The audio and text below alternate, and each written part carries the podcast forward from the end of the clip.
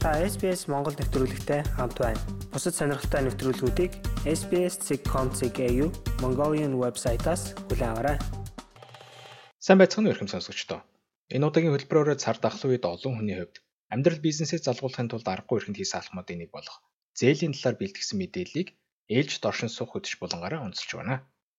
Ковид-19 цар тахал гараад жил өнгөрч байгаа ч энэ хугацаанд олон австралчууд өрхийн бол амжиргааны зарлаа дарахын тулд янз бүрийн хувийн зээл авснаар санхүүгийн аюултай тойрогт гацаад байгаа. Хэрв таны өрийн асуудал хяналтаас гарсан бол үн төлбөргүй бөгөөд нууцлыг чандлан хадгалдаг санхүүгийн зөвлөх үйлчилгээ байгаач. Тус үйлчилгээнд хандвал таны нөхцөл байдал үнэлгээ хийсний дараагаар төж барагдуулах боломжтой санхүүгийн зээл олгодог юм. National Debt Helpline-ы санхүүгийн зөвлөх Сара Браун Шоугийн хувьд хугацаа төлбөрүүдэд төлж барагдуулахад хүндрэлтэй тулсан. Эсвэл энэ талаар санаа зовж буй хүмүүстэй өдөр бүр ярилцдаг нэг юм. Ковид-19 цар тахлын эдийн засгийн нөлөөгөөр олон гэр бүл санхүүгийн төлбөрөө хугацаанд нь барагдуулж чадаагүй улмаас илүү их хөрөнд унж байгаа болохыг тэрээр хэлж байсан юм.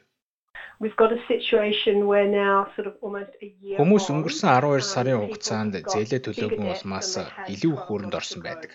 Энэ байдал бүтэн жишг үргэлжлэж байна. Кредит карт, моргжийн зээлүүдийн хувьд банкуд хүүгээ нэмж тооцоор байсан олон тохиолдол гарсан. Ингэснээр тэдгээр хүмүүс 12 сарын өмнө байснаас илүү их өртөө болж байгаа нь маш их санаа зовсон асуудал юм а. Хэрв та өр төлбөрөө барагдуулахад хүндрэлтэй тулж эхэлсэн бол хугацаанд тулсан зээлтэй үедээ төлөвлөгөө гаргаж өр нэмэгдхийг зогсоох нь зүг юм. Үр болон зээлийн хүүгээ жагсаахаас энэ бүгдийг эхлэх хэрэгтэй гэдгийг Австрали болон Уругвайн эдийн засгийн нийгэмдийн гишүүн эдийн засагч Сидни Демария хэлж байлаа. Number 1, you have to know exactly how much you own and to whom you own it. Нэгдүгээрт хинт хэдийн өртөвэ гэдгийг яг мэдэж авах хэрэгтэй. Энэ нь ойлгомжтой юм шиг олон хүнийг санагдах ч өрийнхөө хэмжээнд сатаарах явдал зөндөө гардаг. Гэтэл бүх төсөвч нь үн зарцуулагдахгүй. Цалингаа аваад төлөх ёстой өрхийн төлбөрүүд бий. Тэгэхээр цалингаа авсны дараа юун түрүүнд өрхийн төлбөрүүдээ хийгээд 3-4 хоногийн дараагаас өрнөөсөө багагч болов төлөхийг бодох хэрэгтэй. Олон зээлтэй хүмүүсийн хувьд өмчөө барьцаасан болон хамгийн өндөр хүүтэйгээс нь төрүүлж өрөө дарж эхлэх хэрэгтэй гэдгийг мөн Сидней хэлж байсан юм. Олон зээлтэй хүмүүсийн хувьд нийлмэл хүүгийн нөлөөнөөс шалтгаалж хамгийн өндөр хүүтэй болон өмч барьцаасан зээлүүдэд төлж дуусгах нь зүйтэй. Нийлмэл хүү хизээш алга болдгүй гэдгийг ойлгох хэрэгтэй. Хэрв та 10 долларын зээлээ 10% хүүтэй авсан бол маргааш таны өр 11 доллар. Нөгөөдөр 12.2. Тэрний дараа 13.7 гихчлэн цааш үргэлжлэн нэмэгцээр байх болно. Линда Эдвард бол Aboriginal болон Торres Холон арлын иргэдийн санхүүгийн оролцсон шудраг байдал санхүүгийн хатан байдлын төлөө ажилладаг Financial Council-ийн Австралийн төрийн бас байгууллагад ажилладаг нэг юм. Санхүүгийн байгууллагуудтайгаа холбогдох харилцаа холбооны сувгуудаа нээлттэй байлгах нь маш их чухал.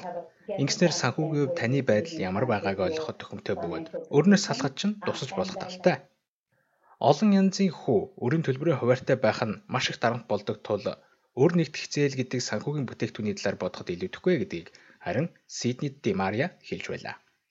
You have 7 credit cards and all of them are overdue. Танд хэдийн сарын турш хугацаанд хэтэрсэн 7 кредит карт байлаа гэж бодъё. Энэ үед бүх зээлүүдээ нэг дор дарах өр нэгтгэх зээлийг авснаар бүгдийг нэг том багц болгочихно гэсэн үг. Ингэсээр та 7 өөр зээл бус нэг зээл төлөх шаардлагатай болно гэсэн үг. Үүний нэг ашигтай тал нь хүүгийн хувьд өмнөх 7 зээлийн дунджаас доогуур байх бөгөөд нэг талаараа шинээр хийж байгаа юм шиг санагдах явдал юм. Олон янзын зээлээ нэг болгож баг хүүгээр төлнө гэдэг нэг талаараа таатай санагдаж болох ч энэ төрлийн үйлчлэгээ үзүүлж буй байгууллагууд ч гэсэн ашиг олох гэсэн сонирхолтой төрүүн тавих болно гэдгийг Сидней сануулсан юм. Харин National Debt Helpline-ы санхүүгийн зөвлөх Сара Браун Шоугийн хувьд өр нэгдэх зээл зэрэг энэ төрлийн бүтээгдэхүүнд сэрэмжтэй хандхыг зөвлөж байлаа. Иймэрхүү бүтээгдэхүүний талаар маш их хуурамч мэдээлэл төөрөгдөл байна. Тиймээс үр нэгдэх зээл авахар бодож байгаа хүмүүст хандаж хэлэхэд энэ нь таны хамгийн зөв сонголт биш байж магадгүй тул бидэнтэй холбогдож санхүүгийн зөвлөгүүдээс үнгүй зөвлөгөө авахыг хүсмээр байна. Учир нь тухайн санхүүгийн байгууллага нь хариуцлагатай зээл олох үүргийг сахиагүйгээс олон хүн өрийг авахд орж байгаа гэдэг мөн тэрээр хэлж байлаа. Манай байгууллага нь хуулийн талаас болон бодлогын талаас ажилладаг. Мөн хариуцлагатай зээл гэж том зүйл бий. Учир нь хүмүүс төлөх чадваргүй байсаар байтал хэд хэдэн зээлийн карт олгосоор байдаг явдал бий. Бүр зарим тохиолдолд Centrelink-ийн халамжид байгаа хүнд хүртэл карт олгосон байсан. Олон хүмүүсийн хувьд Австралийн санхүүгийн гомдол хариуцсан эрхгүй байгууллагад гомдол гаргахыг бид дэмжиж ирсэн. Зээлийн төлбөрөө хугацаанд нь төлж чадахгүй болсноо мэдсэн даруйда санхүүгийн зөвлөгөөс тусламж авах хэрэгтэй гэдгийг Линда Эдвард зөвлөсөн юм.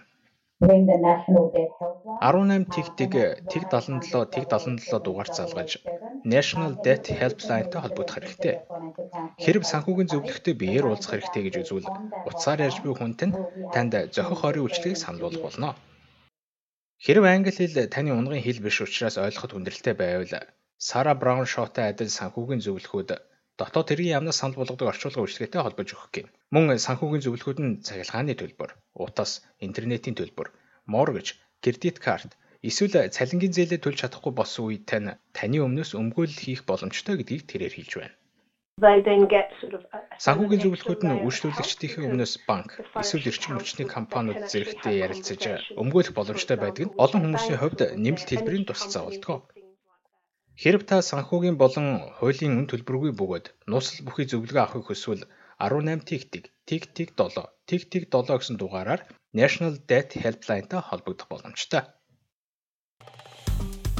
Apple Podcast дээр манай нэвтрүүлэгт үнэлгээ өгнө үү? Энэ манай нэвтрүүлгийг хайж олоход бусдад бас туслах юм.